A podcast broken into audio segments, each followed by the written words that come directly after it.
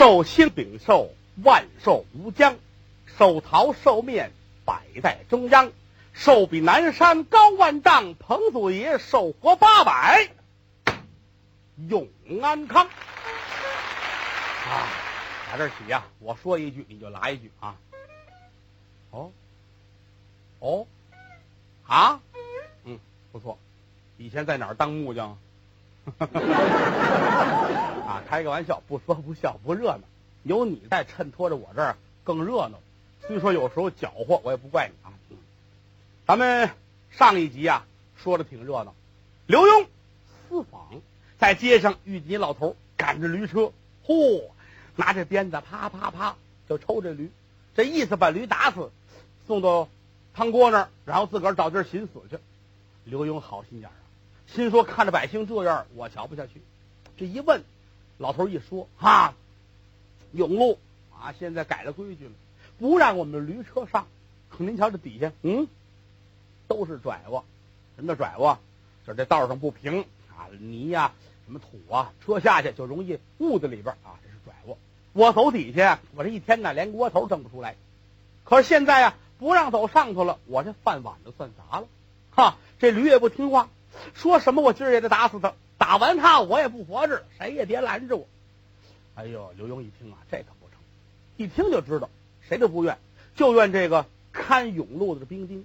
怎么呢？一定是啊，闲着没事拿老头开玩笑。你闹着玩不要紧呢，你打老头了，老头七十多岁年纪，他扛不住。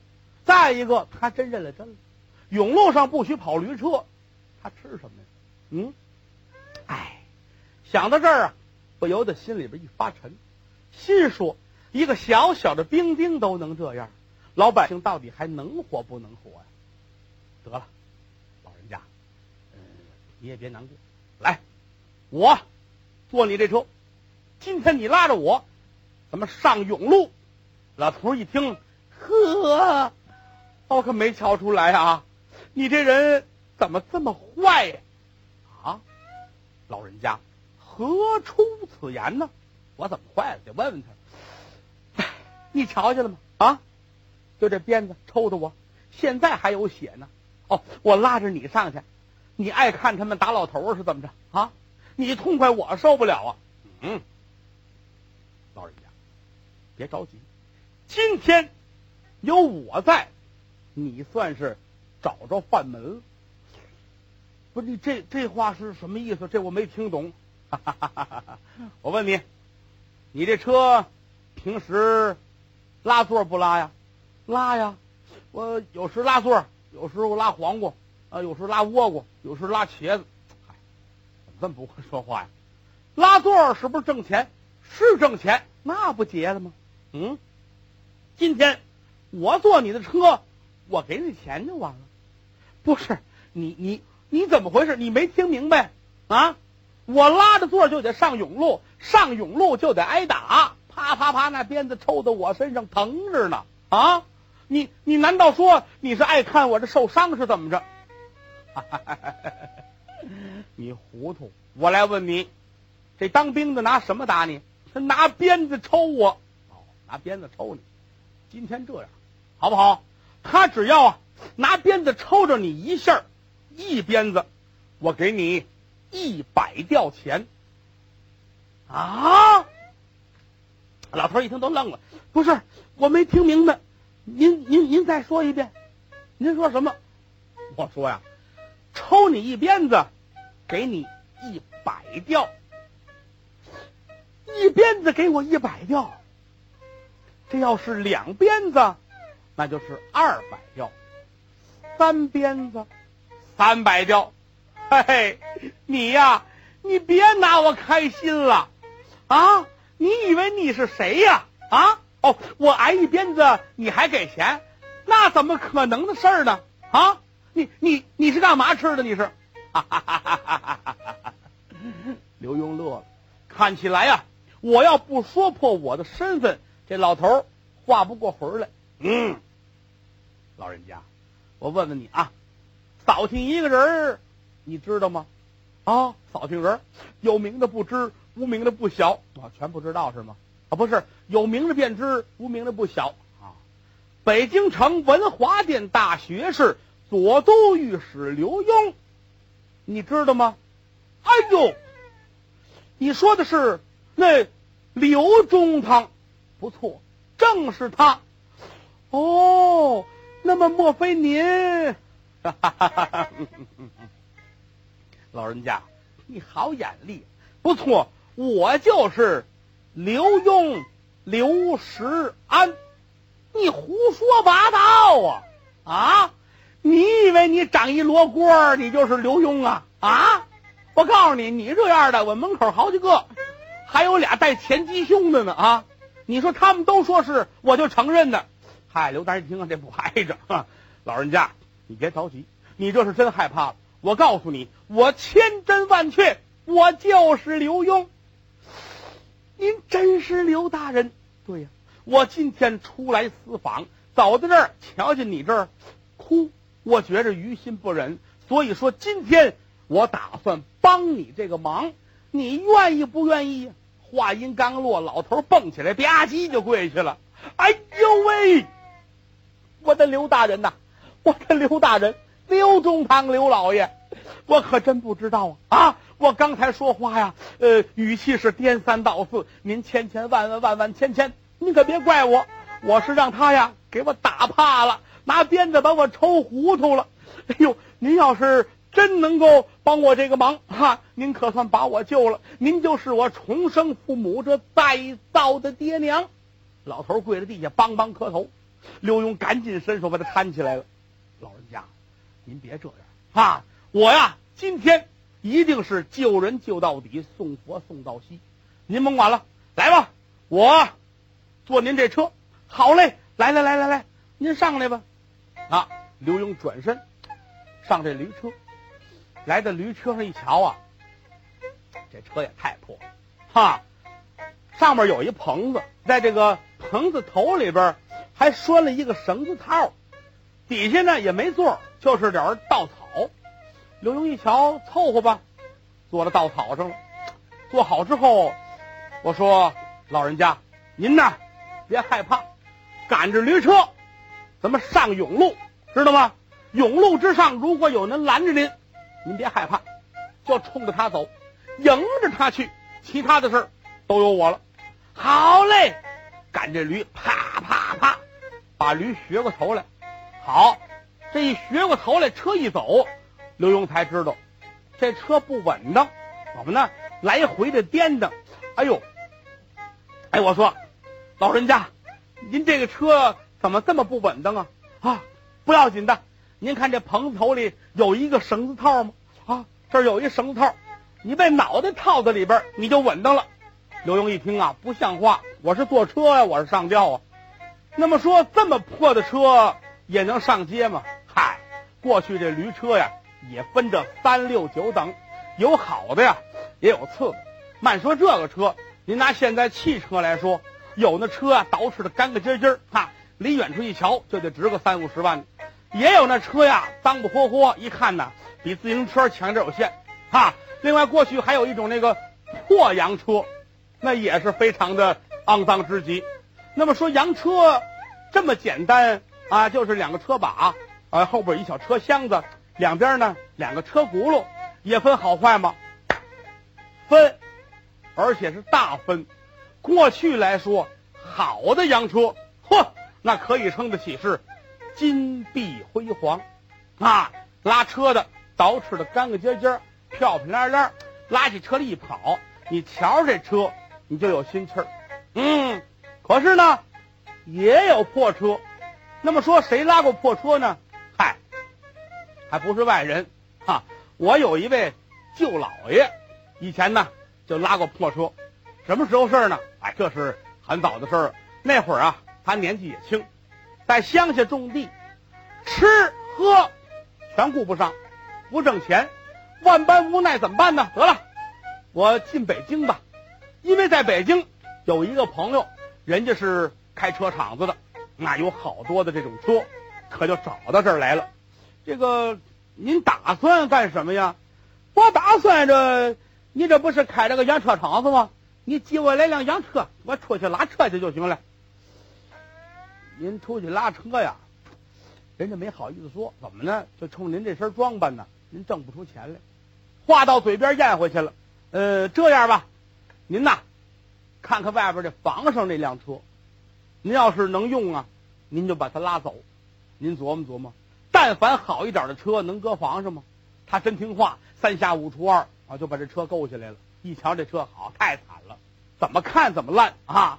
哎呀，这个车可是得规置规置。行嘞，你要是觉着有用啊，你就把它弄走。你收拾好了，爱怎么拉怎么拉，我也不找你要钱了。啊，行嘞，那我谢谢你了。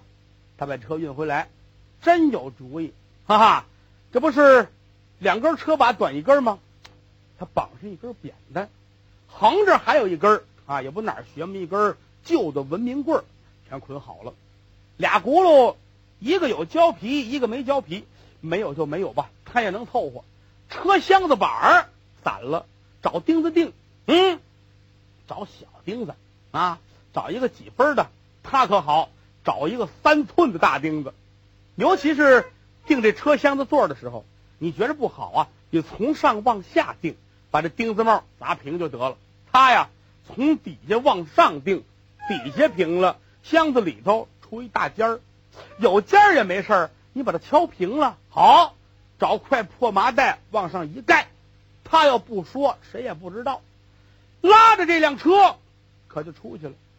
一般来说呀，拉车呀都得找这个热闹所在，车站呢、码头啊、十字街口啊，或者是哪儿大商场啊。上这儿，他没有，他找一死胡同啊，找一旮旯把车搁好了，蹲这儿蹲着。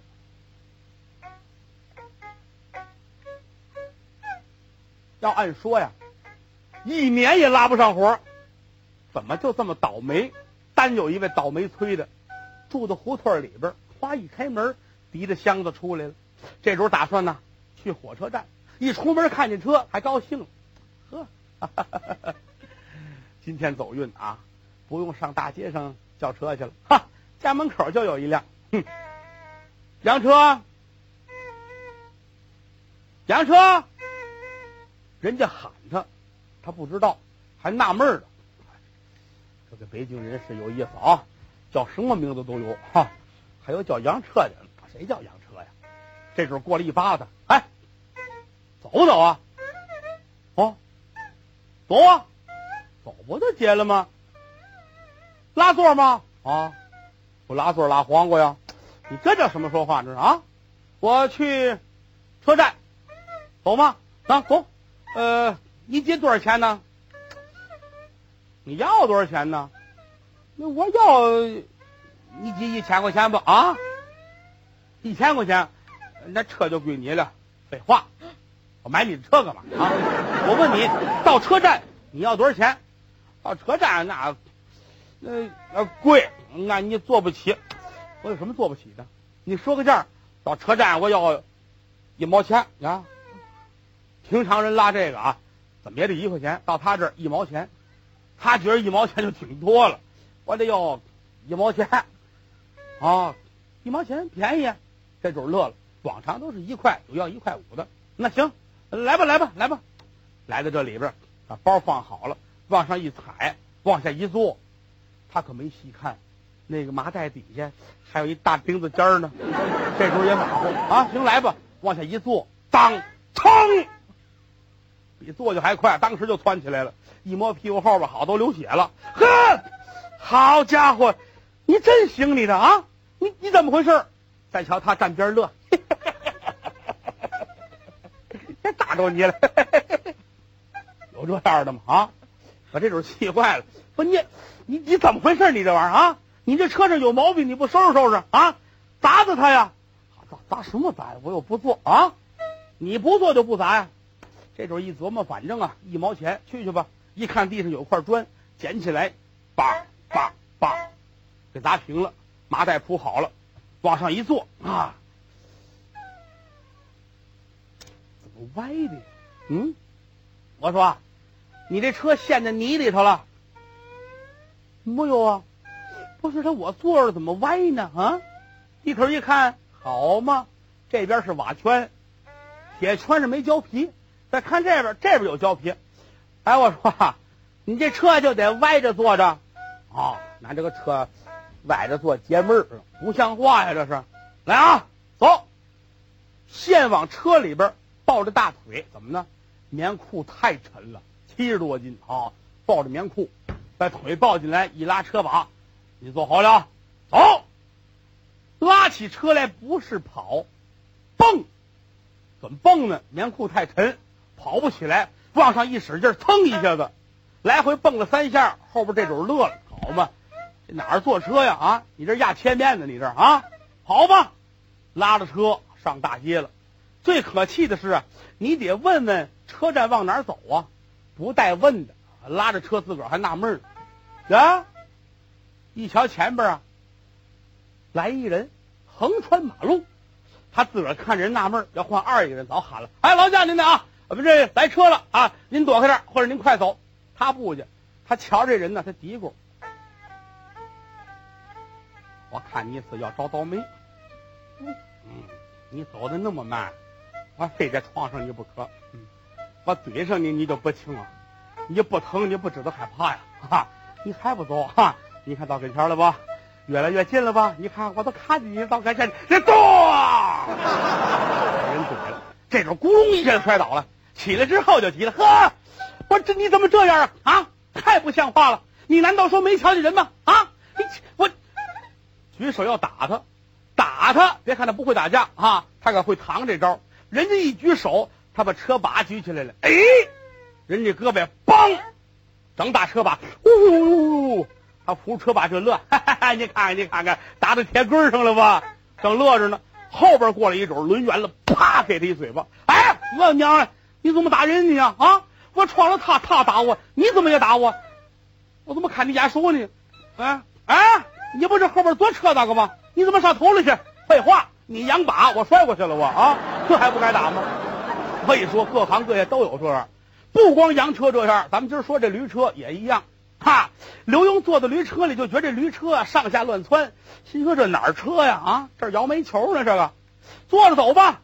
老头赶着驴车，嘴里还嘀咕着呢。啊，刘大人，说好了啊，呃，这一鞭子是一百吊啊。刘墉说：“没问题，我知道了啊！一鞭子一百吊，往前走吧。哎，好嘞。这两鞭子是二百吊啊啊！我知道，两鞭子二百吊，好嘞。